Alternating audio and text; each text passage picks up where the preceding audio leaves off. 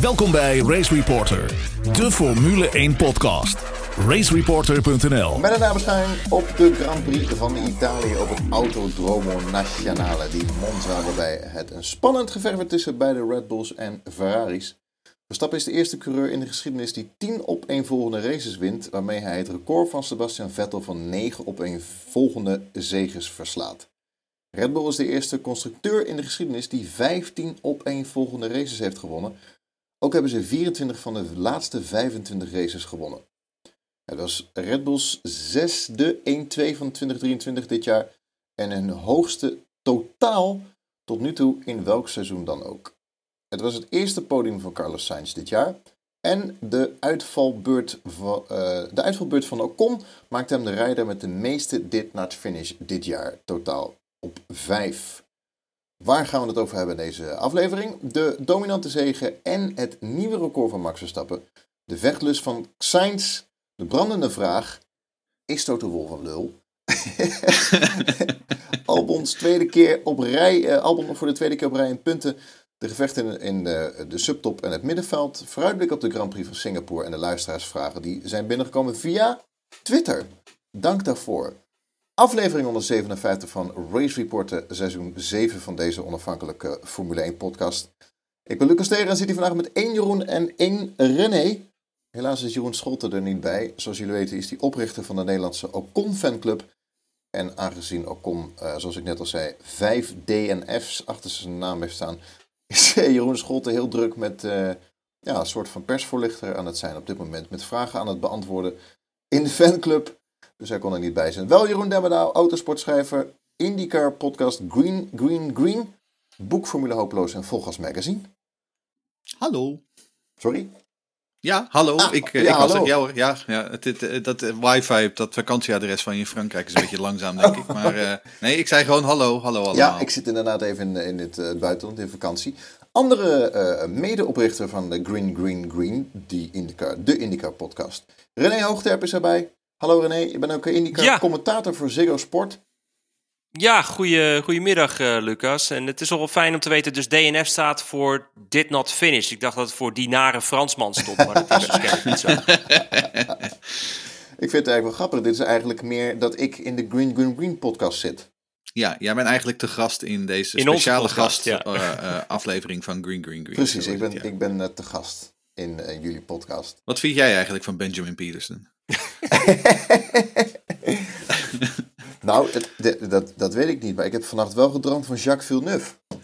Over, ah. over IndyCar gesproken. Mijn oude uh, idool natuurlijk. Nee, ik weet niet dat doe, jij nog, dat doe jij nog wel veel, hè? Dromen over Jacques Villeneuve. Ja, nee, ik heb echt al heel lang geen IndyCar meer gekeken. Sinds 95. Ja, dat, wou, dat wou zeggen, ja. Als je het over Jacques Villeneuve hebt. ja, dat was echt... Uh, Montoya was het laatste keer. Uh. Bon, we doen altijd een Twitter-poll. de Temple of Speed. Drie sterren. Ik vond het een fantastische race. Ik, ik gaf het ook drie. Hoeveel sterren geven jullie de, deze Grand Prix? Uh, nou, 3,5 toch zeker wel. Um, ik bedoel, um, kijk, we hebben natuurlijk wel heel veel inhaalacties gezien uh, met dank aan DRS. Ik ben geen fan van DRS, maar um, wat ik ook wel leuk vond, en daar hebben we dus ook nog een vraag over, is dat de DRS het ook niet te makkelijk maakte deze keer. vooral uh, bijvoorbeeld in die strijd aan koppen en, en, de strijd tussen Ferrari en Red Bull hebben we dat gezien. dus ja, het was een hele vermakelijke wedstrijd uiteindelijk. er was een hoop strijd. Max Verstappen moest echt werken voor die tien overwinningen op rij. Dus ja, ik heb, ik heb me vermaakt. René? Hoeveel sterren kun je maximaal geven? Uh, vier. Vier sterren. Vier nou, sterren. ik vind die 3,5 goed. Ik vond voor Monza echt wel een, echt een goede wedstrijd. Ik was natuurlijk stiekem meer bezig met de IndyCar race die later die avond verreden werd. Maar ja, soms is een voorgerechtje ook wel heel lekker. En in dit geval uh, ja, beviel de Formule 1 race in Monza zeker. Prima pot hoor. Uh, ik vraag je aan uh, Jeroen Demmendaal. heb jij een groen t-shirt? Ik heb een bruin t-shirt aan. Want ik ben in het groen René Hoogdorp ja. is in het groen, dus het is nu Green Green. Green Green, Green Brown. De Green Green podcast is dit. Ja, ik heb een Code Brown t-shirt aan. De Green Green Brown podcast. Ja. Waar gaan we het uh, nog meer over hebben? Spanning en sensatie in het, uh, nou, van wat jij zegt, de, de, DRS. Fantastisch gevecht tussen uh, de Ferraris. Ik had het op Twitter gezet. Ik, hield, ik zat echt met geknepen billen naar die eerste bocht. Het is natuurlijk Italië, Ferrari-land. Ehm, Max met twee Ferraris om zich heen. Het ging gelukkig goed. Um, maar ja, het, het, had heel gauw ook mis kunnen gaan. Max die had een goede start, hè? Het, gaat ook niet altijd goed, hè? Daar, zoals we weten, uit 2021. Nee. tussen, toen Verstappen en Hamilton er samen afkletst in die eerste, in die eerste bocht. Ah, Ehm, dus uh, ja, nee, het was inderdaad uh, billenknijpen, ja. Ik vond het wel leuk. We hebben nu twee races op rij gehad waar, waar, waar, we spanning hadden. Het is echt wel, wel leuk. Um, we hebben ook een vraag binnengekregen van Kenny Meister. Ja, Kenny die vraagt, zou voor dit soort races met minieme rear, wings, met achtervleugels dus in, in het Nederlands, een ander concept bedacht moeten worden in plaats van DRS? want deze auto's zijn zo efficiënt in clean air dat DRS bijna geen effect heeft. Vooral als je bedenkt hoe kort die eerste activation zone in Monza is. Uh, het was een leuke Grand Prix, maar inhaalacties heb je bijna niet. Um, nou, ik vond dat wel meevallen, want ik bedoel, we hebben best wel wat inhaalacties gezien. Uh, ten tweede, um, kijk, mijn probleem met DRS doorgaans is dat het zo makkelijk is om in te halen. En wat ik juist nu zo fascinerend vond, was dat Max Verstappen, hij zei het op een gegeven moment ook van, ja, die Ferraris gaan echt heel hard rechtuit. Uh, en Sergio Perez die natuurlijk probeerde om voorbij te komen aan, aan Leclerc en Sainz. En ja, moest daar ook echt voor werken. Ik vond het juist heel erg mooi om te zien dat DRS hielp wel een beetje. Maar uiteindelijk um, moesten de coureurs het nog steeds zelf doen. Uiteindelijk was het nog heel erg hoe je je auto, hoe je, je auto positioneert. Uh, of je een over-under doet of, of wel of niet. Um, ik vond juist dat het, dat het hier op Monza zo. DRS werkte hier zoals het eigenlijk op elk circuit zou moeten werken. Wat ik zo mooi vind aan Monza is, eh, omdat, omdat je inderdaad al best wel weinig vleugel hebt, is het verschil tussen weinig vleugel en geen achtervleugel, wat DRS praktisch is, dat is gewoon veel minder. En kijk, het is dat we, ja, de oude lul gaat even spreken, maar dat we uh, Hockenheim niet meer hebben, dat is natuurlijk jammer. En dat vind ik dan nog wel zo leuk aan Monza, is dat het toch nog een eigen, een eigen signatuur heeft. En dat zagen we dus ook met, uh, met DRS, maar ook met de Ferraris. Ik bedoel, laten we eerlijk wezen, bij de volgende race dan dobberen ze gewoon weer op plaats 6 of zo. Maar dit is toch wel een van de laatste circuits wat wel een echt eigen gezicht uh, heeft op de kalender. Maar dan wil ik wel wat even in de groep gooien voordat we echt meer de race uh, in uh, detail gaan bespreken. Heeft Monza niet een beetje van de charme verloren sinds ze die chicane hebben aangepast in 2000? Ja. En waarom ik daarop kom? Absoluut. Dat pijnlijke feit werd namelijk nog eventjes mooi onder ogen gebracht door Erwin. Daar wil ik toch even een shout-out aan geven. Die die geweldige nostalgische clips van de voorbeschouwingen van RTL elke uh, upload. Ja. Uh, en toen hoorde je in de voorbeschouwing ook iedereen zeggen, iedere rijder, dat het een gedrocht van een chicane is. En, uh, en dat het gewoon de, de, de, nieuwe chicane die dus toen werd neergelegd, inmiddels is ook al 23 jaar terug. En eigenlijk heeft deze nieuwe chicane mij nooit kunnen bekoren. Ondanks het feit dat we de afgelopen jaren wel genoeg actie daar hebben gezien. Dat ja, blijf je toch jammer vinden. Ja, ik vond de vorige editie ook, uh, ook mooier om te zien. Er waren um, twee toch? Ook omdat hij net iets, hij was, hij was ook net iets, ik kan zeggen, hij was net iets moeilijker en er bestond er twee delen natuurlijk. Wat uiteraard ook ontzettend nog uh, uh, meehielp in die dagen, is dat je gewoon grind buiten de baan had liggen. Kijk, nu heb je natuurlijk die enorme door, die lappen asfalt zeg maar, waar je in principe, dan moet je even een beetje over zo'n zo'n zo'n hindernisparcours en dan mag je weer verder. Um, kijk, uh, jouw grote favoriet René Hoogtijd, Mika Hakkinen, die uh, reed daar ooit in de ronde en die maakte één schakelfoutje. Ja. Die ging achterstevoren en toen was het klaar. Toen was ja. hij gewoon, uh, was geen veldje aan de lucht, was op weg naar een overwinning en weg was die overwinning. we hebben Ayrton Senna ooit nog een keer, die daar, juist daar, die, die, geweldige, um, um, die geweldige reeks van McLaren in, in, in 1988 onderbroken zag worden, omdat hij zich verslikte in een achterblijver en ook even op dat curbstoontje bleef hangen. Kijk, tegenwoordig... 96 Hill, uh, in, in 95 eh, denk ik dan vooral. Bedoel, bedoel je die niet? Met, uh, nee, nee, nee, nee. dat was oh, je bedoelt een verder. Nee, dat oh, je echt, een jaar later. Echt ja, toen hij echt de bandenstapel raakte, was het klaar. Ja. Juist. Dus je, de bandenstapels toen, maar goed. Het was, het was vroeger, was het inderdaad, het was een uitdagender uh, uh, chicane. Uh, Heinz Frensen zei dat trouwens ook over het, over het weekend op Twitter. die is, zoals jullie ongetwijfeld weten, sinds een paar weken ook heel erg actief op Twitter. Um, en die zei van, uh, als jullie het me vragen, dan ga ik verklappen welk, uh, wat, uh, wat mijn geheim was in die chicane. En vervolgens kwam er van niemand een vraag wat zijn geheim was in die chicane. dus ik weet het nog steeds niet. Um, maar die zei ook dat hij de oude chicane veel leuker vindt. Um, en Heinz Houtvensen heeft altijd gelijk. Dus. Zo is dat. Is er een vraag binnengekomen uh, met het oog op de minimale rondetijd saga? Want het was inderdaad wel even gedoe uh, over dat de Ferraris uh, te langzaam zouden hebben gereden. Nou goed, er is genoeg gezegd en geschreven. Maar Jelmer Tilstra die vraagt, zou Monza niet de plek zijn voor een unieke one-lap shootout kwalificatie? Niemand slipstream, niemand voer of juist nadeel en niemand die in de weg rijdt. Dat zou ik een leuke feature vinden voor deze unieke baan. Nou Jelmer, we hadden ooit met Pitspraat in mijn ogen het meest geweldige format bedacht. En daar sta ik nog steeds achter. En dat is volgens mij nu al negen jaar geleden dat ik dat dacht. Uh, dat je in Q1 en Q2 op min of meer dezelfde manier houdt zoals we dat nu hebben. En dat je dan een top 10 shootout krijgt. één voor één. Dus van nummer 10 tot nummer 1. Want ik baal er de laatste jaren gewoon zo van dat je nooit een volledige kwalificatieronde van buiten kan zien. Kijk, een opboordcamera geloof ik wel, maar dat je van buiten, hè, zie je ook echt de snelheid. Ik vind het zo'n dooddoener dat de camera maar gewoon op start-finish blijft hangen en dat uh, de kanshebbers één voor één binnenkomen druppelen. Ik bedoel, je wil op het puntje van je stoel zitten gedurende een hele ronde. Want als ik aan jullie vraag welke kwalificatieronde noem je op als je naar die one-lap qualifying shootout kijkt, dan gaat toch Christian Albers genoemd worden, denk ik, in Montreal. Dat hij in 2005 die Minardi op elke curbstone uh, probeert uh, doorheen te, te, te, te, smijten. En dan zien we dus ook gewoon dat elk foutje, uh, dat dat gemaakt wordt. Dus Jelmer, ik zou het niet alleen in Monza doen, maar ik zou hem werkelijk overal doen. Maar goed, dat ben ik dan. Jij wil eigenlijk gewoon de Fast 12 van de Indy 500 op elke baan zien. Dat vind ik een ja. correcte samenvatting, ja. We gaan het nog vaak over IndyCar hebben. Uh, stiekem, hè? Heel stiekem was het. Stiekem. um, oh ja, dan hadden we ook nog een vraag apropos um, foutjes maken op Monza. En dan kom je tegenwoordig niet noodzakelijk in de banden terecht, maar dan kom je in de Tech Pro Barrier terecht. En dan vraagt Ellen Karreman, waarom, heeft een, waarom heet een Tech Pro Barrier niet gewoon een Protect Barrier? nou, dat is op zich een hele goede vraag. Um, uh, de reden daarvoor is, is dat die barriers gemaakt worden door een bedrijf. En dat heet, ja, je, hoort, je voelt hem al aankomen. Dat heet TechPro, is een Frans bedrijf. Uh, die maken die barriers. Uh, en dat is dus in principe gewoon een merknaam. Dus dat is de reden waarom. Maar ik gok inderdaad dat de naam TechPro ook wel geïnspireerd is door het woord Protect. Ja, dat heeft Ellen heel goed gezien. Formule 3 seizoen is afgerond. Ik heb dat even gemist. Maar je moet me even, even de naam goed uitspreken. Wie is er kampioen geworden? Gabriel Bortoletto uit Brazilië. Ah. Um, kijk, omdat het hier natuurlijk hè, vorige keer over Zandvoort hadden we het ook over de Formule 2. En nu dacht ik van, nou weet je, dit was ook het, fina uh, het uh, finale weekend voor uh, de Formule 3. Um, ehm, dus we, hebben, we zijn natuurlijk ook we zijn de Formule 1 podcast, maar de sterren van de toekomst. Houd die naam in de gaten. Gabriel Bortoletto stak er dit seizoen eigenlijk echt met kop en schouders bovenuit in de Formule 3. Gaat volgend jaar Formule 2 rijden. En hopelijk eh, binnen nu en een paar jaar hebben we weer een Braziliaan in de Formule 1. Oké, nou spannend. Dat zou, wel, dat zou wel fijn zijn, want uh, de afgelopen Brazilianen...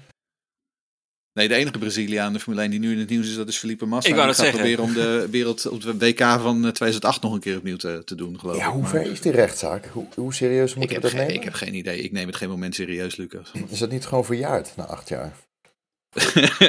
de verjaringstermijn, ja, dat zou je toch denken. Hè? Ja. Dat zou toch nou, ja, was het maar acht jaar. Het is echt gewoon krankzinnig lang geleden, stiekem, hè? 2008. Want daar hebben we het over. Ja, dat is 15 jaar, hè? Ja.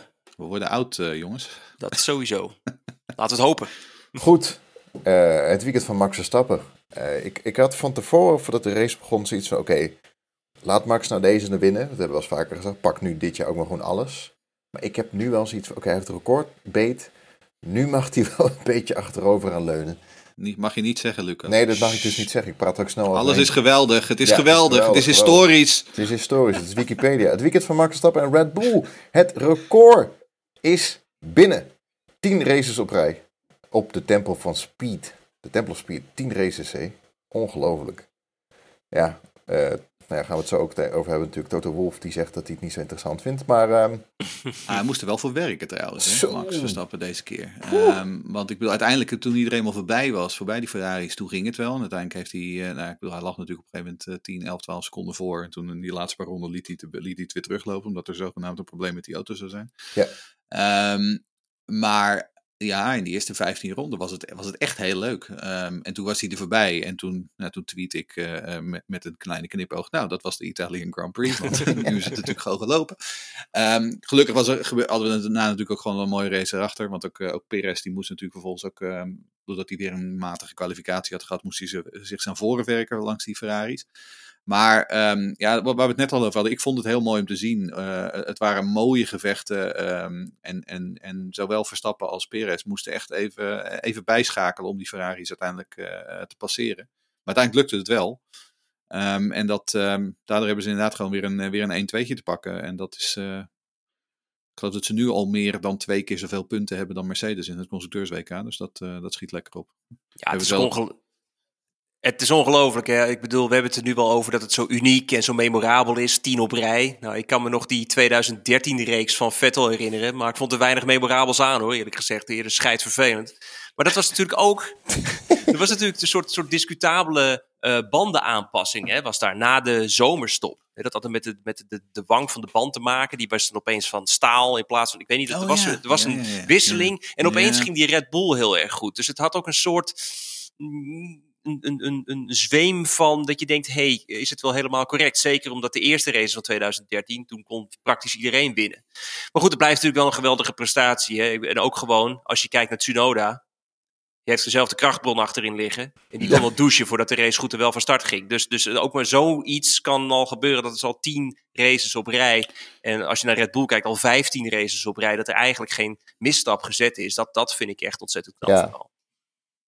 Nou ja, ja. Ik, ik, ik, moet eerlijk zeggen, we hebben natuurlijk ook het gevecht nog gezien met de Ferraris. Dat ik af en toe dacht, Max, doe even een beetje rustig aan in, de, in die chicane. Want dat ging nog maar net goed. Op, een gegeven moment had hij natuurlijk, hij zat op een gegeven moment ergens naast Sainz aan die buitenkant in, in, in, die, in die eerste bocht. En toen riep hij iets als van, uh, dat was een beetje van, van Sainz. En toen dacht ik van ja, maar dan zie je wel dat hij toch een beetje geleerd heeft van 2021. Want in 2021 liet hij hem staan. En toen eindigde hij uh, met zijn hol bovenop de, boven de Mercedes van, uh, van, van Hamilton. Uh, nu dacht hij na. Kijk, en het punt is natuurlijk ook, hij zei op een gegeven moment ook al over de radio van ja, uh, they're starting to struggle with the, with the tires, it will be okay. Dus hij wist ook wel, ja, op een gegeven moment ga ik er gewoon voorbij komen. Um, is het niet, zeg maar, uh, puur op de baan, dan was het via de pitstops wel gebeurd. Dus ik denk dat hij zich uiteindelijk, wat dat betreft, misschien niet zo heel veel zorgen heeft gemaakt over hoe het, wat uiteindelijk het resultaat zou zijn. Maar um, ja, er zaten een paar, een paar krappe momenten tussen, inderdaad. Ja, dat, ja dat ik, ik vond het wel een tricky hoor. En, en, en, laten we eerlijk zijn, die, die, die, die bocht daar, ik zeg het al vaker, ik vind niet dat je hem er daarnaast moet Hij zat er ook niet helemaal naast. Ik vind, ik vind dat je daar niks te zoeken hebt, maar wat, wat, is jullie, uh, wat vinden jullie daarvan? Nou, je kunt het doen, maar je neemt natuurlijk een enorm risico door hem daar vooral aan de buitenkant ernaast te zetten. Ja. Um, kijk, en dan hoor je inderdaad op een gegeven moment was dat Norris ook geloof ik, die zei van ja, I had the corner. Ja. En dan denk ik van nee, helemaal niet. Nee, je hebt helemaal niks. Ja, je, zolang je er niet voorbij bent, heb je niks. Er was er één, volgens mij was het Hamilton uit mijn hoofd, die dat deed. Uh, dat hij er echt naast zat en er echt naast. En dan, en dan zit je er, en, en, dan kun je dus ook niet meer insturen als degene die er voor slash naast zit. En dan, ben je, dan is die bocht wel van jou. Ik, uh, ik weet het niet meer, maar ja, volgens mij was, het Hamilton of op, Hamilton of, op, of op Albon of op Norris inderdaad. Ja. Maar iemand, volgens mij was Hamilton... Twee, haalde twee mannen in binnen een paar ronden, ja. Precies, dus, en dan zit je ernaast. En dan, zit je, dan is het ook echt jouw bocht. Maar als je er niet voorbij bent, dan is het niet jouw bocht. En je niet aan de buitenkant. Ja. Maar goed, wat je zegt inderdaad, uh, Max heeft ervan geleerd. Het was, was wel weer een mooi, mooi spel. Um, we gaan het hebben over de, uh, in dit Red Bull blokje over de zure Toto Wolf. Hij vond het uh, record niet zo interessant. Ja, dat is ja, leuk voor Wikipedia. Ja, zou ik ook zeggen als het niet een Mercedes record was. Wat was er... hij, heeft wel, hij heeft wel gelijk over. Is dat zo? Ja, nou kijk, ik zat gisteren. Um, uh, ik, zag dat, ik zag die quote voorbij komen. En natuurlijk, kijk, ik weet ook hoe Toto Wolf werkt. Uh, Toto Wolf is natuurlijk gewoon een rasopportunist. Toto Wolf is geslepen. Uh, dit, dit, dit, dit verba deze verbale oorlog tussen Red Bull en Mercedes gaat al jaren. Ja. sorry, maar corrigeren. Tussen ja, Christian Horner en Toto Wolf is het volgens mij eerder. Ja, maar je zegt persoonlijk. Nou, maar toch ook tussen Verstappen, tussen Verstappen en Hamilton. Hè? Want ik bedoel, Hamilton die kreeg op vrijdag de wind van of op donderdag de wind van voor omdat hij zei dat Max Verstappen matige teamgenoten had. Uh, nou, dat was allemaal zo ongelooflijk onsportief. En toen dacht ik, van, nou, voor mij zijn we even vergeten dat Max Verstappen een paar jaar geleden exact hetzelfde riep over de teamgenoten van Lewis Hamilton. Maar goed, klein detail. Hoe dan ook. Um, ik zat gisteren inderdaad in afwachting van die IndyCar race, uh, zat ik inderdaad een beetje wat verhaaltjes te lezen op Twitter. En toen zag ik die quote van Horner, of van, uh, van Wolf voorbij komen. dacht ik van, ja, dat vind ik eigenlijk ook wel. Want om heel te zijn, een beetje dat soort statistieken, het interesseert me eigenlijk ook niet zoveel. Ik vind het vooral op dit moment heel oervervelend dat tien keer op rij dezelfde coureur gewonnen heeft. Ja. Uh, dat vond ik in de Hamilton-tijd zo, dat vond ik in de Vettel-tijd, dat vind ik nu ook. Um, en toen gooide ik dat op Twitter, dat ik het daar wel mee eens was. En toen dacht ik van, hmm, ik weet niet of dat, of dat wel zo slim was. nou ja, toen kreeg ik uiteraard gewoon een hele, een hele batterij mensen achter me aan. Uh, na een uur heb ik ook gewoon de notificaties uitgezet, want toen dacht ik van, nu ben ik er wel weer klaar mee. Um, maar ik, weet je, ik snap wel wat hij bedoelt in die zin. Kijk, en natuurlijk is, hij, uh, is, is het gewoon verbale oorlogsvoering. Um, Maar ik, je, ik, ik, ik vind dit ook niet zo heel erg interessant. Want ik bedoel, weet je, die serie van Vettel uit 2013. Wanneer hebben we het daarover gehad in de afgelopen, in de afgelopen acht jaar? Helemaal niet. Dat kwam alleen maar op omdat nu Verstappen in de buurt kwam. Maar verder, weet je, de gemiddelde Formule 1-fan is volgens mij helemaal niet bezig met dat, dat soort statistieken. Ik in ieder geval niet. Uh, ik had het er met een paar andere mensen over, die zeiden ook van, ja, ik had er helemaal niet over nagedacht. Totdat het inderdaad op een gegeven moment in de media weer naar voren kwam. En ja, mij interesseert het niet zoveel. Dit is voor mij ook een beetje een soort tweede rang statistiek. Kijk, weet je, als je inderdaad, als je zeven of acht wereldtitels haalt, weet je dat, of het aantal zegens, het aantal pole positions. Ik weet dat Max Verstappen op een gegeven moment net zoveel uh, zegens als, als Ayrton Senna haalde dit seizoen. Toen dacht ik, ja, kijk, dat is wel, dat is wel even een mijlpaaltje. Maar dan nog, weet je, ik, ik, ik kijk niet naar de Formule 1 voor, voor de statistieken. Ik kijk naar de Formule 1 voor, voor de racerij. Dus in die zin snap ik wel waar uh, Wolf vandaan komt. Maar dat hij natuurlijk gewoon zo hypocriet als de neet is. En dat hij gewoon uh, vooral probeert om uh, Red Bull om de te draaien. Ja, dat lijkt me ook overduidelijk. Ja, het is ook vooral die tien races op. Jij zegt het ook, Jeroen. We vonden, we vonden die negen op rij van Vettel als scheidt irritant doen. En je vindt het nu ook heel vervelend dat Verstappen, of nou laten we het zo zeggen, dat een rijder alles wint. Dat vinden we eigenlijk in de baas helemaal niet zo leuk als neutrale fan. Dus, dus, uh, dus, dus, ik, ja, ik snap inderdaad ook wel dat dat een beetje een soort, ja, bijna, bijna een soort negatieve lading krijgt. Maar daar zeg je het neutrale fan. Kijk, jij en ik zijn neutrale fans. Maar er loopt natuurlijk vooral in Nederland loopt een hele volkstam rond die alleen maar naar de Formule 1 kijken voor Max Verstappen. En die vinden het geweldig. Er zijn ook mensen die kijken, eh, die kijken naar voetbal en die vinden dat alleen leuk als Ajax alles wint. Maar dat zijn geen voetbalfans, dat zijn Ajax-fans. En dit is hetzelfde. Dit zijn geen Formule 1-fans, dit zijn Max Verstappen-fans. Ja, en ik ben dat niet. Of niet, niet uitgesproken. Kijk, ik vind het, ik vind het uh, mooi hoor als Max Verstappen het goed doet. Maar op een gegeven moment, weet je, uh, verandering van spijs doet eten. Uh, ik vond het al vervelend toen Lewis Hamilton vier keer op rij won. laat staan, zeg maar, als Max Verstappen tien keer op rij won. Ik, ik, ben, ik, ik, ik wil nu al gewoon weer eens iemand anders zien. ja, eens.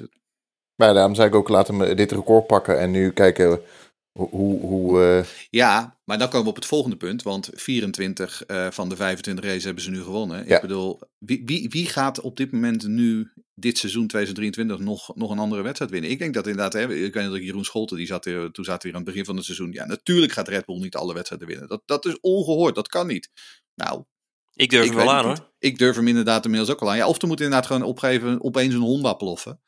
Maar um, kijk, heel veel andere, wat heel veel van de concurrentie, ik denk dat teams als Ferrari en Mercedes, zeker dat, dat, dat zeggen ze ook, uh, die zijn zich al op 24 aan het richten. Die gaan niet ja. nu proberen om die auto van 23 nog te verbeteren. Nee, Dus ja, het, het, moet inderdaad, het moet een keer fout gaan. Um, er moet inderdaad een keer, ze moeten betrokken raken bij een ongeval of een keer een, een, een, fout maken. Maar Max Verstappen maakt op dit moment geen fouten. Of inderdaad, je moet een keer een verschrikkelijk slecht weer hebben of zo, dat je daardoor een soort tombola krijgt. Maar anders, uh, ja, dan, nou ja, dan, maar, dan, dan, dan, winnen ze gewoon anders, denk ik. Maar vergis je niet. Kijk, we hebben ook nog ooit in Brazilië een, uh, wat was het, een Ocon gehad die, uh, die tegen Verstappen Die nare Fransman bedoel je? Ja, ja weer. maar dat was wel echt zo'n zo loterijwedstrijd, hè? Uh, net als dat Gasly die toen op, het, op, op Monza won. Dat was echt zo'n loterijwedstrijd. Um, maar onder normale omstandigheden. Nee, tuurlijk, tuurlijk. We, hebben, we hadden op Zandvoort hadden we een loterijwedstrijd. En dan weet hij nog. En, en, kijk, even wat, kijk even wat Max Verstappen daar deed. Die gewoon de rest van het veld vier seconden uh, per ronde uh, het, het, snot voor de ogen. Dus zelfs in die omstandigheden, want dat is het ook. Hij is gewoon zo constant op dit moment. Hij is echt in de vorm van zijn ja. leven. Uh, weet je, en waar, een, waar, we het net over hadden, een Hakkinen die in zijn kampioensjaar nog wel eens een foutje maakte. En een Damon Hill die in zijn kampioensjaar nog wel eens een foutje maakte. Ook Schumacher maakte nog wel eens een fout. Ik heb Verstappen dit seizoen eigenlijk nog op geen enkele fout kunnen betrappen. Nee. En daarom is hij in, wat is het, in, in, in de 15 races is hij alleen maar eerste of tweede geworden. Ja. Um, en ik vrees eerlijk gezegd, ik, ik zie ook niet zo 1, 2, 3 dat dit in 2024 heel anders gaat worden. Nou, want dat is natuurlijk wel. Hè.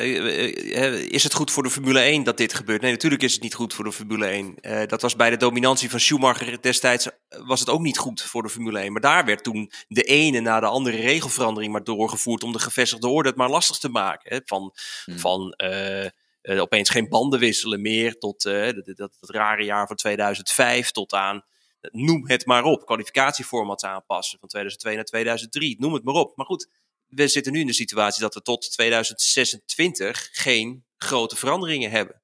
Dus als je nu gewoon een goede auto hebt, dan kun je ook nog eerder kampioen worden. Kun je ook nog eerder werken aan de auto voor het jaar erop. Ja, dat is een soort momentum wat je kunt meenemen. En de rest kan alleen maar dichterbij komen. Maar ik zie het niet zomaar gebeuren dat volgend jaar er Mercedes er wel bij staat. Nee, maar we zagen het natuurlijk voor hiervoor in het, in het hybride uh, era ook. Hè? Ik bedoel, Mercedes nam in principe een voorsprong. En die, ja, weet je, die, die consolideerde uh, ze eigenlijk gewoon in de jaren die daarna volgden. En dus kregen we, wat is het, vijf, zes seizoenen op rij waarbij McLaren, of waarbij Mercedes met twee vingers in de neus de constructeurstitel won. En dan had je gelukkig nog enigszins strijd in de beginjaren tussen Hamilton en, en, en Rosberg. Maar toen Rosberg ermee stopte, want Bottas is natuurlijk nooit serieus in de strijd. Dat is een, soort Perez uh, avant la lettre wat dat betreft. Die riep ook van ja, dit jaar ga ik echt voor de wereldtitel. Nou, dan duurde drie races en dan, stond, en dan, was het, uh, dan waren de kaarten alweer geschud. Um, kijk, en Perez is gewoon niet goed genoeg om, om wereldkampioen te worden. Zeker niet tegen iemand als Max Verstappen. Um, en dan, weet je, ik snap, ik snap heel goed als je echt een ontzettend gepassioneerde fan bent van één, um, van één atleet, dat je het nu helemaal geweldig vindt dat Max Verstappen waarschijnlijk op, weg is naar vijf wereldtitels en uh, 68 races op rij gewonnen. Ik vind het een beetje saai. Uh, dat, is, dat is het enige. De vraag van, van Stef gekregen, ik, die begrijp ik niet helemaal zo heel goed. Nou, dat was natuurlijk in de vraag omdat, uh, over de hypocrisie van Toto Wolf. En toen kwam er inderdaad de vraag van welk seizoen van Hamilton, afgezien van 2021, was dan wel de moeite waard om naar te kijken. Uh, nou, in de, in de oh, Mercedes-jaren waren er daar niet zo gek veel van. Nee, uh, maar Um, ehm, 2007, hè, waarbij drie man uh, om het WK streden en uiteindelijk eindigden ze geloof ik binnen drie punten van elkaar. Uh, 2008, het jaar waarin we vijf verschillende constructeurs hadden uh, die, die een, een, Grand Prix wonden. Um, en en, en de enige titel was... van Felipe Massa ook. Precies, die enige die, die, die, die, titel van Felipe Massa, waarbij Felipe Massa 30 seconden lang wereldkampioen was. ja. Ik bedoel, dat waren natuurlijk prachtige seizoenen. Het enige detail, toen reed Lewis Hamilton nog voor McLaren en niet voor Mercedes. Ja, True. Perez, hij, uh, hij, hij deed het goed. Uh, ja. Toch weer P2. Maar ook hij moest er echt hard voor vechten. Ja, en natuurlijk op vrijdag, hè, in die, voor mij in die tweede training, dat hij hem weer achterstevoren ergens in, in een bandenstapel hangt. En weet je, het, eh, dat, zit, dat zit er bij hem natuurlijk toch wel erin. Uh, hè, natuurlijk in Hongarije ging hij in twee minuten in de eerste training al af. Um, nu duurde het wat langer, maar toch weer een fout maken. Nou, um, vervolgens op zaterdag, ach, het zat allemaal zo dicht bij elkaar. Dus hij kwalificeerde zich geloof ik als vijfde of zesde. Nou ja, goed, dat is te doen. En uiteindelijk heeft hij zich in de wedstrijd gewoon goed naar voren gewerkt. Hij heeft nu bijna 50 punten voorsprong op Alonso in het WK voor die P2. Um, hij doet in principe qua resultaat, doet hij gewoon wat hij moet doen. Um, we gaan nu natuurlijk naar Singapore. Nou, we weten allemaal dat, uh, dat niemand beter is op straatcircuits dan Sergio Perez. Volgens de overlevering. Um, dus het, het zal, uh, weet je, die, die tweede plek komt uh, ook wel steeds verder in zicht qua veiligheid. Maar um, ja, nou ja, hij heeft, hij heeft, nu twee, hij heeft nu geloof ik in de laatste drie wedstrijden, heeft hij, of de laatste vier wedstrijden drie keer op het podium gestaan. Um, dus weet je, er komt in ieder geval weer enig schot in de zaak voor Sergio Perez. Nou, wat toch uh, vooral voor de zomerstop een hele moeilijke periode was. Maar je zag dan ook wel, hè, natuurlijk hij heeft P2 en dat is het beste wat hij kan doen en wat hij had kunnen verwachten. Maar je ziet wel hoe, hoe niet overtuigend hij is in directe gevechten. Je zag het ook gewoon niet, niet later durven te remmen. Het is het, het, alles, en het is lastig oordelen, van buitenaf. Maar alles suggereert wel dat hij niet helemaal met volle vertrouwen in die auto zit. Ik moest heel, heel erg lachen om die opmerking van hem. He pushed me off the track. Einde ja. stuk. Wat was dat inderdaad? Hij rent gewoon met zijn wielen op de witte lijn. Oh, he pushed me off the track. Ja, ja, nee, dat was. Ja, nou ja. Ik vraag me wel eens af. Ik, hebben ik ze niet gewoon een, komen, ja. Hebben ze niet een knopje op een stuur waar die, waar die, die tekst gewoon pre-opgenomen op het stuur zit. Gewoon, hij drukt er op de verkeerde knop. Hij pusht Even een audiofaaltje, ja. ja, nou, wat, ik, wat, we, hebben het, we gaan het zo natuurlijk wel over, over de subtop hebben. Maar de enige die daar eigenlijk, en dat, dat valt me heel erg van hem mee. De enige die dat niet doet is Oscar Piastri. Die, uh, die, die, die dat soort gemiep niet. En dat vind ik heel fijn. Dat, dat is heel verfrissend, vind ik dat. Ja, dus, um, ongekend. Uh, nee, je moet echt een voorbeeld nemen aan Piastri. Geweldig. De subtop gaan we inderdaad over hebben. Um, met natuurlijk de vraag of Albon daar ook bij hoort. Ferrari, Mercedes missen de race pace. McLaren en Aston Martin topsnelheid. Nou, Alonso gaat ook weer alle kanten op. Maar goed, daar gaan we het zo over hebben. Um, ja, Ferrari. Was dit, was dit een Ferrari-motor? Wat, wat Mercedes op een gegeven moment deed in Brazilië een paar jaar geleden. Dat ze het uiterste, de uiterste uithalen. De motor opschroeven of ja, dat we dan in Singapore er echt achter komen hoe, uh, hoe de vlag er echt bij hangt. Nou kijk, voorafgaand aan het weekend, uh, dat moeten we, moeten we ons bijna aan herinneren, uh, was Carlos Sainz, had nog helemaal geen podiumplek behaald. Hè? En net op het moment dat je je echt afvraagt of ze überhaupt nog een rol van betekenis gaan spelen, is daar dan Monza. En ik dacht dan echt zo van een nieuwe livery, uiteindelijk zelfs een pole position, juist in Monza, alsof Enzo het zo gewild had. 35 jaar nadat hij zijn licht liet schijnen door Ferrari toch een wedstrijd te laten winnen in 88. Ik denk, nou, nu gaat het misschien weer zo zijn. Uh, het, het, leek er. maar dan hoop je dat. Maar stiekem wist je al bij de start toen de lichten uitgingen van. Ja, dat gaat hem niet worden. We weten niet hoe dramatisch het ging worden. Maar ik vind eerlijk gezegd. Vond ik Ferrari ook in de race sterker dan ik van tevoren had gedacht. Ja, zeker. Maar goed, dat is, dat is dan dus die charme waar ik het eerder over had van Monza eh, in Singapore. Dan dobberen ze weer rond op uh, P6, 7 is het gewoon klaar ja, ik. al moet ik wel zeggen dat ze op een gegeven moment, want volgens mij, uh, op een gegeven moment had in die, aan het einde van die eerste stint had Sainz echt last van zijn banden. Uh, en toen zag je dat Leclerc gewoon opgehouden werd. En toen dacht ik van ja, op dat moment. En, en dat zal ook te maken hebben met die rivaliteit toch tussen die twee. Hè, en wie er uiteindelijk op dat grote podium onder die grote rode Ferrari-vlag komt te staan.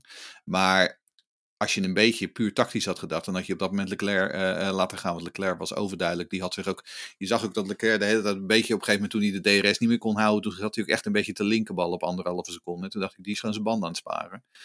Dus ik had wel het idee dat ze twee verschillende tactieken aan het proberen waren. Maar ja, dan dat ik zeg, door de onderlinge rivaliteit konden ze dat eigenlijk niet uitvoeren, uh, niet optimaal uitvoeren. Terwijl het bijvoorbeeld bij Red Bull zou het veel makkelijker gegaan zijn. Want daar zeg je gewoon tegen Perez move en dan kan Verstappen er lang. Ja. Of andersom. Nee, ik, vond, ik, vond het, uh, ik vond het mooi om te zien dat ze mogen racen. Maar uh, Martin Brundle zei ook op Sky Sport. Op dit moment, nu moet je gewoon zeggen... Hold it, hold your place. Ga niet lopen vechten met nog 1, 2 ronden te gaan. En, en Leclerc die zich verremt en bijna Sainz eraf beukt. Dat ging echt nog maar net goed. Ik vond ja, het, is wel echt geweldig, hè? No risk. Ja, 20 seconden later. You can fight, no risk. En dan inderdaad 20 seconden later reizen elkaar bijna van de baan. Oei, oei, oei, oei. Um, Als dat, dat was gebeurd... dan hadden, hadden, we de Italiaanse kranten kunnen, kunnen, kunnen ophalen. ik, ja, ik vind het onnodig risico, maar ik, ik snap het wel, maar... Nou ja, dat is het. Kijk, het punt is natuurlijk, uh, de, de, de podiums zijn een beetje uh, few and far between dit, uh, dit jaar voor Ferrari. Dus als je dan op Monza podiumkoers ligt, ja, dan kan ik me voorstellen dat je als sign zijnde, vooral omdat, wat, wat je al in het begin zei, het is de eerste podium van het jaar. dan kan ik me voorstellen dat je dan juist op Monza nog wel even probeert om, om dat vast te houden. En toch vond ik het terecht dat Sainz uiteindelijk het podium pakte en niet Leclerc. Terwijl ik heb hmm. echt precies niks met Carlos Sainz. Maar Leclerc heeft Sainz ook niet echt kunnen helpen. Bewust misschien niet, wat je ook al terecht zegt, Jeroen. Dus ik vond het eigenlijk wel mooi dat Carlos Sainz het pakte. Ja, uh, misschien wel een stukje gerechtigheid. Hij was degene die dat hok op de pol uiteindelijk heeft neergeploft. Hij was hmm, degene die het langste die Red Bulls achter zich wist te houden. Ja, ik ben eigenlijk best helemaal tevreden mee. En dat, ja, ik ook. Maar hij was, het, hij, was het hele, hij was het hele weekend de snellere van de twee. Maar dus ook in de trainingen was hij de sneller. Ja, maar dan moet dus, toch, uh, met nog twee ronden te gaan, moet Ferrari toch gewoon zeggen, jongen, Leclerc, hold your horses, bring it, bring it home. En ik vind, ja, ik dat vind werd dat, eh, toch ook gezegd volgens mij. Maar... Dat werd ook gezegd inderdaad. Maar, dan, maar dat is het. Kijk, we hebben ook een vraag van Rijn van Adriaan. Die zegt van hoe zal dit verhaal van we hebben geen kopman uh, bij Ferrari, hoe gaat dat verder? Um, ja, en dat is inderdaad natuurlijk wel het vreemde inderdaad. Want ze zeggen inderdaad officieel dat ze geen kopman hebben. Tegelijkertijd, uh, Charles Leclerc, uh, daarvan weten we dat hij dat langer vast ligt, dat hij veel meer betaald krijgt, uh, enzovoort, enzovoort. Dat is toch een beetje de kroonprins. Um, ja, ik, ik weet het niet. Kijk, dat is ook een van die dingen die Vasseur, vooral denk ik richting 2024, um, dat zal die moeten, moeten gaan managen inderdaad. Want kijk, nu gaat het dan goed. Maar het ging ook wel een paar keer echt bijna fout. En we hebben natuurlijk in het verleden wel bij Mercedes. Hè, als, als, uh, vooral toen Rosberg en, en Hamilton echt hard tegen hard gingen. Ja, dat ging ook gewoon een paar keer echt fout. Met natuurlijk als hoogtepunt Barcelona 2016. Maar ja, dat is wel een risico. Um, en, en kijk, Ferrari, uh, net als Mercedes, hebben allebei, uh, ze weten dat het probleem van die auto in die achterkant ligt. Um, het zij te weinig grip, het zij te veel bandenslijtage. Dus daar gaan, zullen ze zich voor 24 op gaan richten. Nou, dat die motor van Ferrari, die loopt wel, dat is inmiddels wel duidelijk. Dus, weet je, er is een kans om op die manier dichter bij Red Bull te komen voor 2024. Maar dat betekent dus ook dat je net die onderlinge relatie moet managen. Uh, ja, en dat is echt een, dat is een job voor Vasseur voor de winter. Ja, ik zit te denken, ik ben geen expert, whatever, maar je kan toch gewoon zeggen, je hebt er een briefing van tevoren. Dat je van tevoren afspreekt, jongens, met nog vijf ronden te gaan, degene die dan voor ligt, hold your position. Al is het twee ronden weet voor wie, Weet je wie ook ooit een briefing hadden? Sebastian Vettel en Mark Webber op, uh, in Maleisië. Die hadden ook ooit een briefing. Nee, maar je um, zegt rivaliteit. Brazilië, Ferrari, Vettel en uh, Leclerc die elkaar eraf ramden. Ja. Ja. wat je zegt, benieuwd hoe het volgend jaar uh, eraan toe gaat. Um, Mercedes, beide rijders een penalty. P5 en P6. Lewis die uh, Piastri eraf raakten, duwden. Belachelijk. Ja, uh, hij bood zijn excuses aan, kreeg 5 seconden straf. Ja, nee, terecht. Toch? Ja, ik, ik ben half Australisch, hè, dus ik vind het natuurlijk belachelijk wat Hamilton daar deed. Uh, maar in alle eerlijkheid, kijk, Piastri is gewoon ontzettend groot toptalent. Uh, ja. Ik moet wel zeggen, aan het begin van het jaar zagen we toch wel vaak in die openingsfase net even een neusje eraf, net even niet handig. Gewoon een beetje in de verdrukking zitten, maar dit was gewoon... Het is net gewoon, een rookie. Ja, precies. Dat, dat mag hij dan ook maken. Maar dit was gewoon weer een prima pot van, uh, van Piastri. Uh, ja, natuurlijk jammer dat contact met Hamilton. Maar wat je ook terecht zegt, Lucas, Hamilton die gaf ook daarna gewoon prima uh, aan dat het zijn fout was, excuses aangeboden. Dus het is eigenlijk allemaal best. Uh, is overigens dan nog als meteen een vraag mee kunnen nemen. Uh, Rob de Voogd en Jelmer Tilstra, is Jelmer weer. Wanneer is de laatste stop-and-go of drive-through penalty überhaupt gegeven? Want Hamilton die krijgt vijf seconden straf, terwijl die Piastri gewoon uit de punten rijdt. Staat dit nu echt in verhouding? Wat vinden jullie? En dan pak ik hem meteen mee. En in aanvulling van Rob Beltman is de plek niet teruggeven, niet automatisch gewoon een drive-through. Een idee. Uh, nou kijk, in de, ik heb eventjes moeten terug... Volgens mij in Bahrein, dit jaar hadden we met Ocon, die volgens mij 328 straffen had, was volgens mij zat er ook nog een drive-through ergens tussen. En misschien wel 10 seconden stop en go.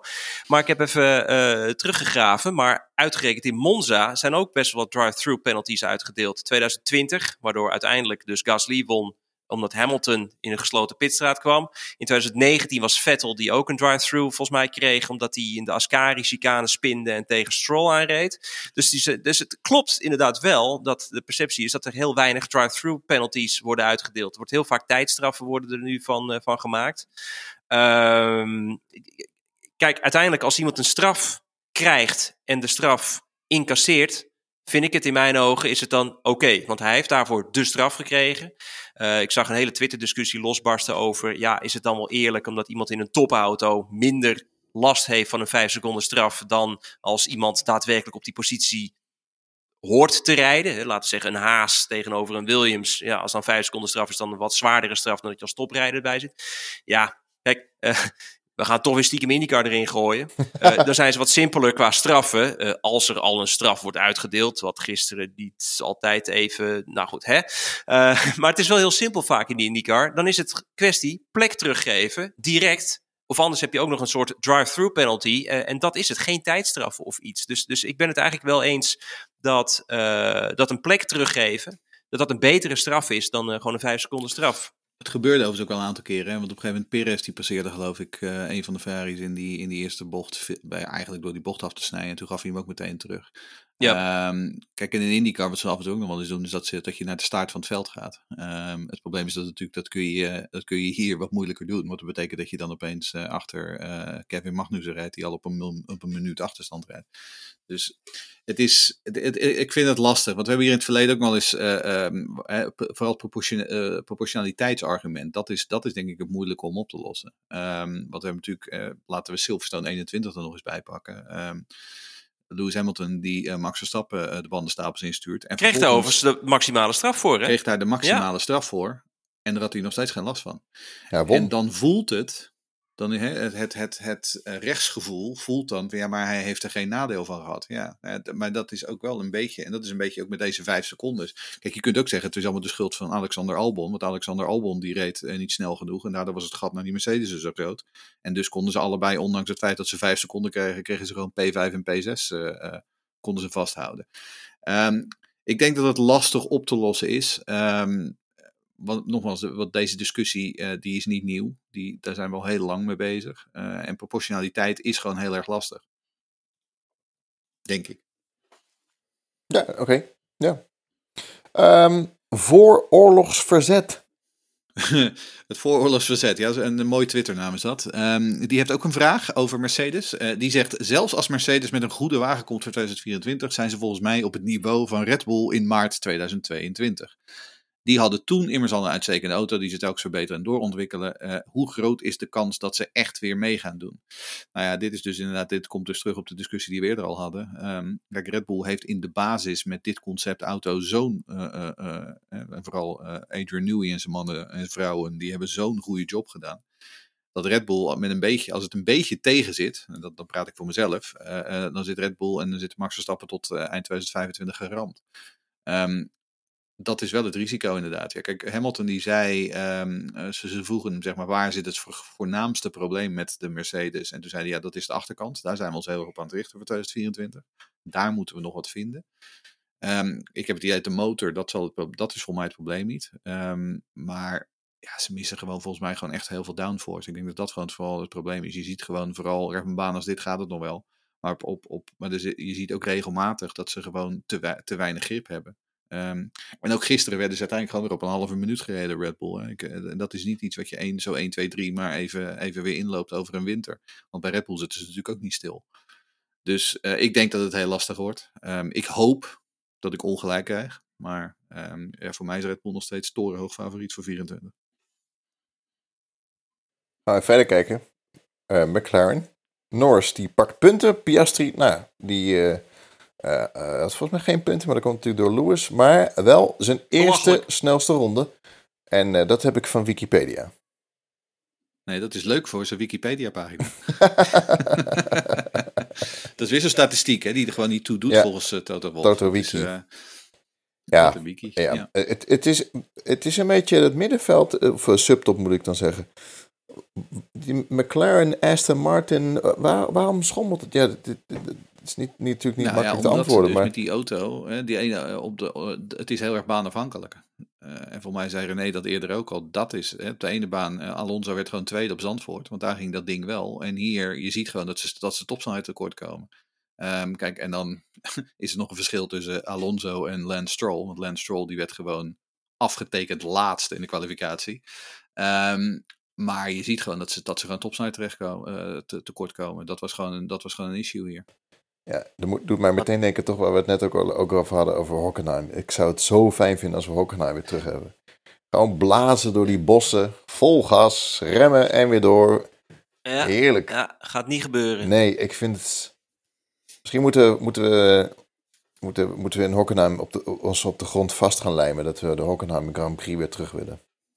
Moeten we gaan demonstreren. We, als nu we het er toch over hebben, uh, we mijmeren er nu wel over.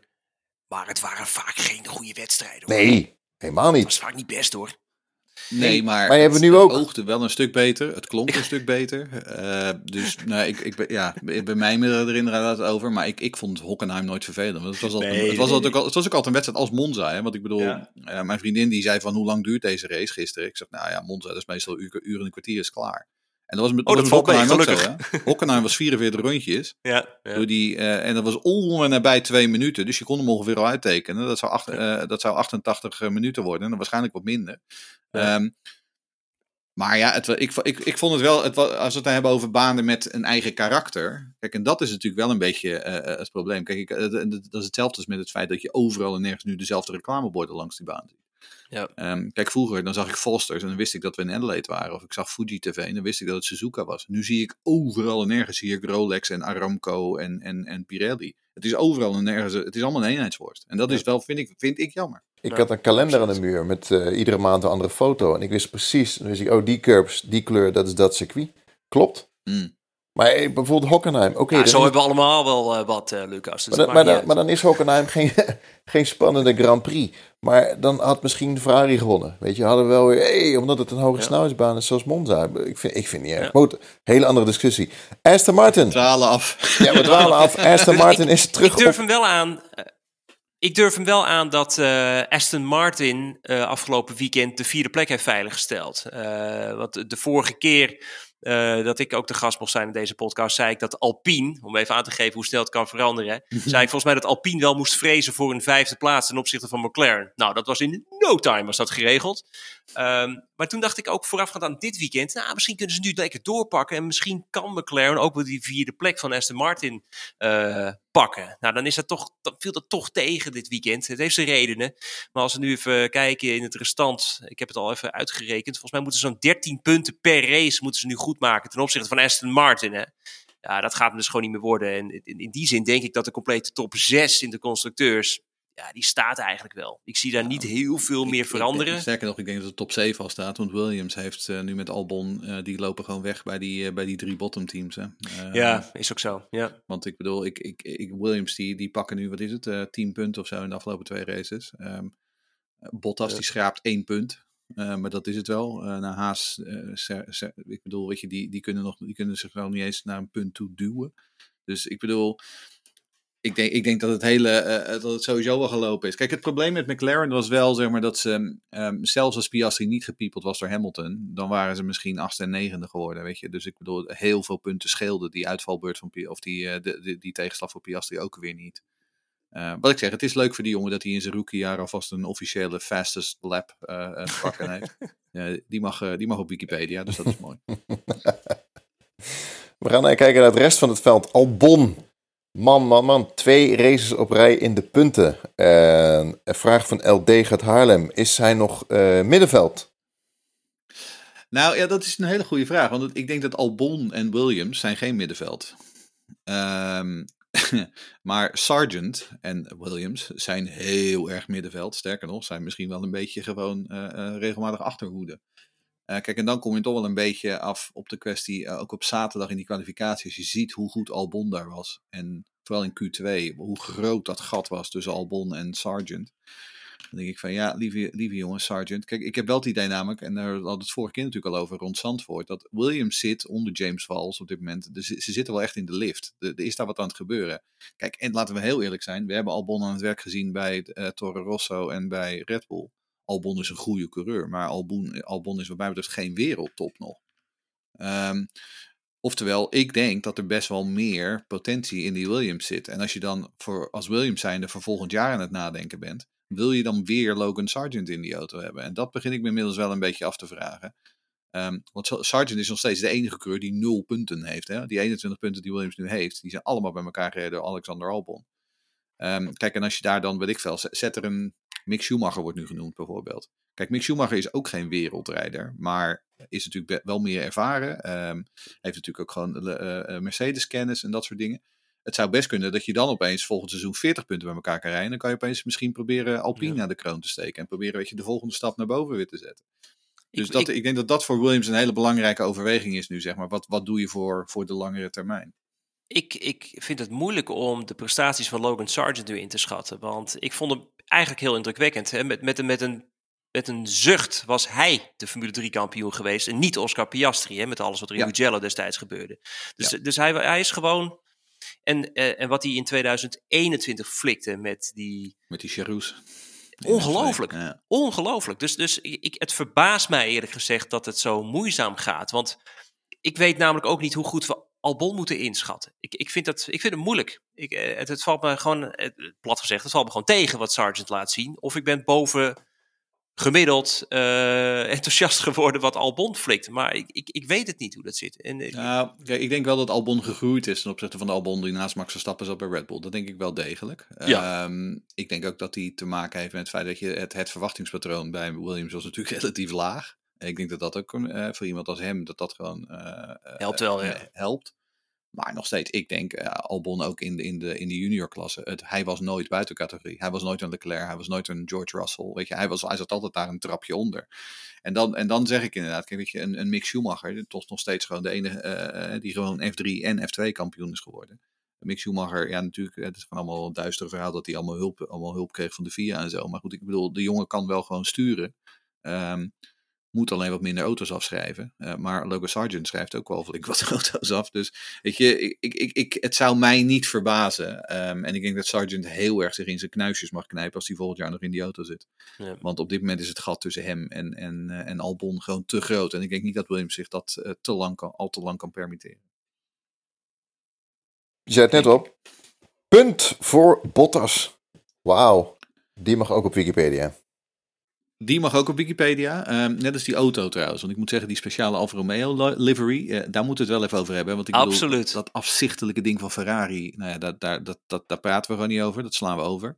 Maar die Alfa Romeo livery, van, die was mooi, echt, echt, heel erg mooi. Ik moet trouwens zeggen dat die, die Stradale sportscar, um, uh, die ze presenteerde tijdens het weekend in Monza, want dat was ook de aanleiding.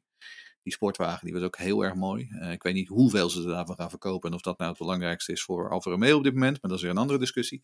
um, Maar nee, hartstikke mooi. Um, en ja, dat Bottas uiteindelijk, hè, hij werd natuurlijk wel een beetje geholpen door de, door de tegenslag van Piastri, maar uh, schraapt uiteindelijk toch weer een punt bij elkaar. Maar ja, Alfa als geheel natuurlijk als team uh, hopeloos uh, oncompetitief natuurlijk dit seizoen. Um, en uh, ja, Audi kan niet snel genoeg komen, denk ik. Ja. um, Lawson, hij zit in de Alfa Tauri. Omdat Daniel in Zaandervoort zijn, zijn hand heeft geblesseerd. Zijn middenhandbordje, hoe je het ook heet. Hij deed goed. zijn teamgenoot deed minder. Dat is lang geleden dat we iemand in de opwarmronde hebben zien uitvallen. Eh, ik weet het niet uit mijn hoofd, maar ik kan me nog wel herinneren. Michael Schumacher, volgens mij zijn eerste jaar bij Ferrari. Uh, en bocht eerder hebben we daar ooit David Coulthard uh, in de opwarmronde zien spinnen naar de chicane.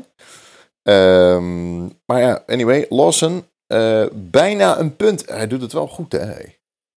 Nou, dat. En hij pakte P11. Uh, en daardoor staat hij nu na twee races boven Nick de Vries in de WK-stand. Want hij, Nick de Vries reed nooit een P11 bij elkaar in zijn ronde bij. En ook Daniel Ricciardo niet trouwens. Dus Lawson is nu, nou, afgezien van Yuki Tsunoda, de beste Alfa Tauri-rijder in de WK-stand. Dat is op zich best knap. Um, nee, het mooie, wat ik, wat ik zo knap vind aan Lawson, is dat hij, hij zit heel dicht achter Tsunoda. Um, en hij maakt nauwelijks tot geen fouten. ik heb hem helemaal niks geks zien doen. Uh, in Zandvoort ook een aantal keer, weet je, hij reed ook niemand in de weg. Hij doet geen gekke dingen. Je ziet gewoon dat hij, um, hij heeft natuurlijk op alle uh, niveaus, zeg maar, onder de Formule 1, heeft hij gewoon heel goed gepresteerd. Heeft hij races gewonnen. Doet het al dit jaar in Super Formula uitstekend. Um, ja, en dit is exact wat hij moest doen. Hè. Als hij wilde solliciteren naar een racezitje in 2024, uh, dan had hij het niet beter kunnen doen dan wat hij in de afgelopen twee races heeft laten zien. Dus, uh, en, en, hij, en waarschijnlijk in Japan of in Singapore zit hij er ook nog, want dat weten we inmiddels ook. Japan zou ook zomaar nog kunnen zijn dat hij daar rijdt. Ja, dan heeft hij vier races in die Alfa Tauri gezeten. Suzuka kent hij natuurlijk inmiddels ook gewoon extra goed, omdat hij daar met Super Formula gereden heeft. Dus ja, um, voor op dit moment, Liam Lawson zit echt in de lift, ja. Ja, het is, uh, ik heb over Ricciardo, ik heb iemand thuis zitten die medisch veel beter onderlegd is dan ik. En die zei ook van, dat is een vervelende breuk, dat kan echt, echt wel even duren. Dus het zou zomaar kunnen dat we inderdaad Lawson in Singapore en Japan ook zien rijden. En dat is min of meer ook bevestigd volgens mij. Ik, um, zegt, het is fijn voor Lawson trouwens, hè, dat hij deze kans krijgt. Maar zegt dit stiekem niet eigenlijk veel meer uh, wat over Tsunoda? Wat we stiekem eigenlijk al mm. wisten. Het Tsunoda is ook niet echt het allerbeste wat we ooit gehad hebben. Nee, absoluut niet. Maar um, ik, ik, ik begrijp dat, die al verlengd, dat ze hem al verlengd hebben voor volgend jaar. En dat het alleen nog aangekondigd moet worden. Um, Oké. Okay. En ik, ik, ik snap het niet zo goed. Want volgens nee. mij, en dat hebben we hier al eerder gezegd. Uh, de, de, de taak van Alfa Tauri en Toro Rosso is om toekomstige Red Bull Racing coureurs op te leiden. Uh, Yuki Tsunoda is dat wat mij betreft niet. Um, dus ik weet niet waarom ze hem verlengen. Um, maar ja. Um, ja, eh, absoluut. Kijk, ik denk, maar nogmaals, ik, ik denk wel, kijk, en dat is natuurlijk wel, kijk, hij is op dit moment natuurlijk het kroonprinsje van de Red Bull Academy, Liam Lawson. Um, dus als ze, en ze hebben heel lang al in, in hem geïnvesteerd, dus het, het, zou ook bijna absurd zijn als ze hem volgend jaar niet in die auto zetten. Um, en zeker natuurlijk nu hè, Ricciardo zijn hand, uh, uh, zijn hand heeft gebroken, daardoor weet je, komt, die raakt ook zijn momentum weer kwijt. Die moet dan ook weer revalideren en, enzovoort enzovoort. Dan neem je wel een enorme gok als je voor 2024 alsnog Daniel Ricciardo aankondigt, denk ik. Dus ik, ik heb er wel vertrouwen in dat Lawson volgend jaar gewoon uh, mag terugkeren. En dan uh, zal uh, Ricciardo waarschijnlijk weer gewoon teruggaan naar de reserverol. Um, maar ja, ik, ik, ik, ja ik, ik ben ook niet heel erg onder de indruk van Tsunoda. Nee, nee. Hij doet het dit jaar wel beter dan in de volgende twee. maar wat ze ook nog zouden kunnen doen, is Lawson erin en Daniel erin. Maar ja, dat, nee, dat gaan ze niet doen. Want uh, Honda nou ja, het zou kunnen. Getekend en... zou maar, ik hoor, net, maar... maar ik hoor net dat kennelijk dat het dus ja, niet kan. Ja, ik, ik, ik, heb begrepen, ik heb begrepen dat Tsunoda gewoon, dat Tsunoda gewoon verlengd is en dat het alleen nog officieel aangekondigd moet worden. Um, Okay. Hoe dan ook, het is sowieso een betere keuze dan Colton Hurta in die auto te zetten. Want Joost Brugman die zegt, hoe blij is Alfa dat het Colton Hurta niet in de auto heeft zitten. Want gisteren had hij weer een prima Tony Kanaan Grasmaier imitatie in Portland. Even een uh, IndyCar referentie. Ja, het was niet een beste pot voor Colton Hurta. Ik, uh, hij is gewoon te wild. Het, uh, zeker in voor een IndyCar is hij zelfs te wild. Kun je nagaan hoe te wild hij zal zijn voor een Formule 1 stoeltje. Dus uh, nee, het, het, het is, uh, we hebben het ook in onze andere podcast over gehad. Het is eigenlijk de, het mysterie Colton Hurta. En dat, dat gaat alleen maar door. Dus we kunnen alleen, ik denk dat Jeroen het met mij eens is, dat Joost heeft daar een prima punt. Ja, nou, het wordt ook niet beter met Colton Hurta. Uh, weet je, ik bedoel, je ziet al vaker dat jongere coureurs een beetje wild zijn, maar dan zeg maar, dan krijgen ze meer ervaring en dan, hè, dan, dan gaan die ruwe randjes eraf. En dat gebeurt bij, bij Hurta gewoon niet. Uh, hij is bloedsnel als alles mee zit. Maar, maar het zit niet vaak altijd mee. Het, het gaat het zit zo vaak, vaak gewoon fout, inderdaad. En dan, dus ja, inderdaad, misschien inderdaad dat uh, Alfa Tauri, they dodged a bullet, zoals, uh, men zegt in het Engels. Um, Alpine, gaan we het dan over hebben? Een slecht weekend. ik, zei, ik zei het al. Nou, uh, ontzettend slecht. Ook om vijf keer uitgevallen. Zeg. Um, weet je wat ik me afvraag is of het een nadeel is dat ze, al, dat ze de enige zijn met die, uh, met die Renault motor. Um, dat ze dus, weet je, ze hebben gewoon minder data zeg maar, om die motor door te ontwikkelen. Ik denk dat dat echt een probleem is. Ze ja, hebben absoluut. geen klanten. Um, en je zag gewoon inderdaad, weet je, ze stonden eigenlijk gewoon op vrijdag ook. Het was het 18e, 19e, 17e, 18e. Het, was het ging gewoon niet. Um, en vervolgens kwalificeerde zich beroerd. Nou, geloof ik uiteindelijk, eh, Ocon kreeg geloof ik last van zijn stuurkolom. Uh, het, het, het, was gewoon ramp. Ramp van A tot Z. Um, Gasly finished geloof ik 15 of 16e. Uh, ja, en Rick Filet die zegt, vonden jullie het ook zo sneu voor Ocon? Ja, nou dat vonden wij ook. We moesten vooral heel erg Jeroen Scholte troosten. Um, dat was natuurlijk het, dus die hebben, we, die hebben we voor vandaag vrij afgegeven, zodat hij inderdaad als een uh, fanclub uh, mail kan uh, beantwoorden. Ja, het is toch wel erg, inderdaad. Jeroen Schot is altijd, ook valt uit. En ja, dan kan je dat gewoon niet. ja, het is gewoon moeilijk om jezelf te. Is niet te genieten? Nee, oké. Okay. Nee, het is gewoon lastig. Het is moeilijk. Ja, oké. Okay. Nou, Grand Prix van Monza. Hè? Dus ja. Temple of Speed, Grand Prix van Italië natuurlijk, Monza. alles besproken. Ja, dat denk ik wel. Ik denk het wel, hè? Uh, ja. oh, we hebben de, Hoeveel oh, races oh, heeft Verstappen nu op rij gewonnen? Heb ik even gemist. even op Wikipedia kijken. Moet je even, moet je even Toto Wolf vragen, die, eh, die, die weet dat volgens mij. Die houdt dat, die houdt dat heel, heel, goed heel nauwkeurig bij, ja. Uh, nou, waar we het trouwens niet over gehad hebben, is uh, Carlos Sainz. Hè, die is uh, beroofd uh, oh, um, buiten zijn hotel. gister, gistermiddag. Horloge, ja, waren drie loesje figuren die hem probeerde om zijn, uh, zijn Rolex van 230.000 euro waarde of zo afhandig te maken. En dat lukt dus ook aanvankelijk. En vervolgens zijn Carlos Sainz en zijn manager en zijn trainer of zo, die zijn achter die gasten aangehold. En die hebben nou, die hebben ze alsnog uh, hebben ze dat uh, horloge weer teruggekregen. Dit gebeurde bij Leclerc toch ook een paar maanden terug? Exact dit verhaal? Ja, dat bij zou Norris. zomaar kunnen. Um, ging maar, ook uh, zelf achteraan. Dus, no, okay. Nee, wat hij, wat hij, maar hij gooide het gisteren zelf op Twitter en ik las vanochtend inderdaad dat verhaal. En um, kijk, Brazilië is natuurlijk traditioneel, dat is, dat is wel bekend, zeg maar, dat je daar altijd al je ramen, raampjes van de huur en, en de deur op slot, want anders dan stelen ze, ze stelen als de raven daar. Maar um, schijnbaar inderdaad, dus uh, rond Monza ben je ook niet veilig.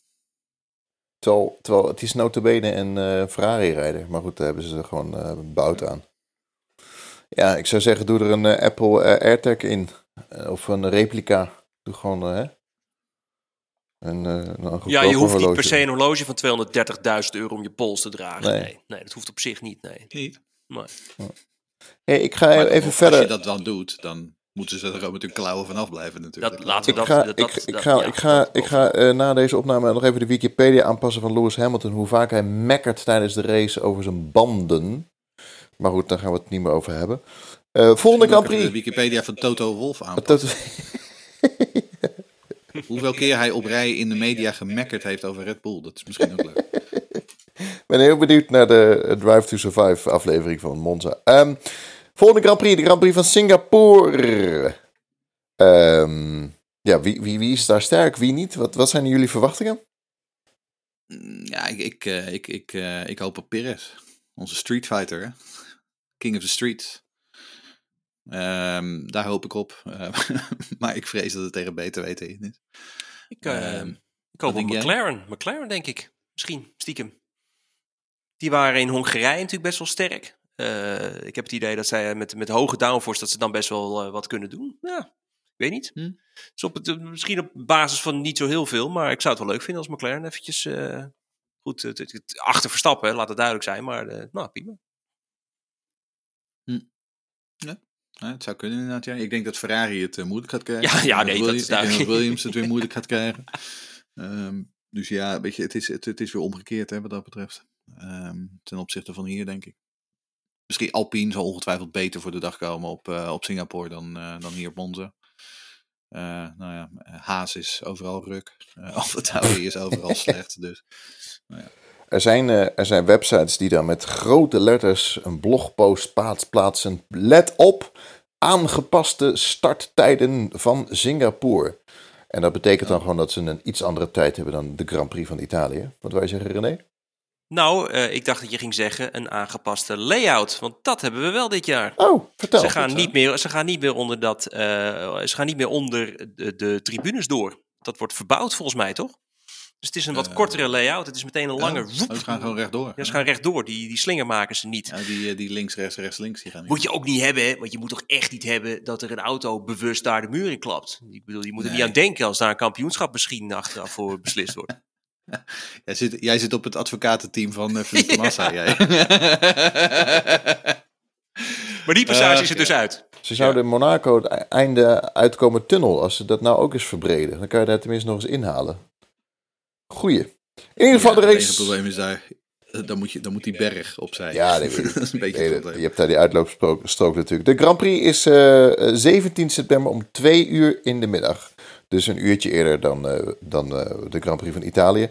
Goed zo. Bon. Uh, en daarna op naar Japan. Heren, dank jullie wel weer. de Green, de Green Green podcast dan, hè? Was dit Race Reporter? Dank jullie wel. Green Brown podcast. Ja, ja. De Green, Green Brown podcast. Dank jullie wel en uh, tot de volgende. Dankjewel René voor het invallen. Graag gedaan jongens. Oké. Okay. Hoi hoi.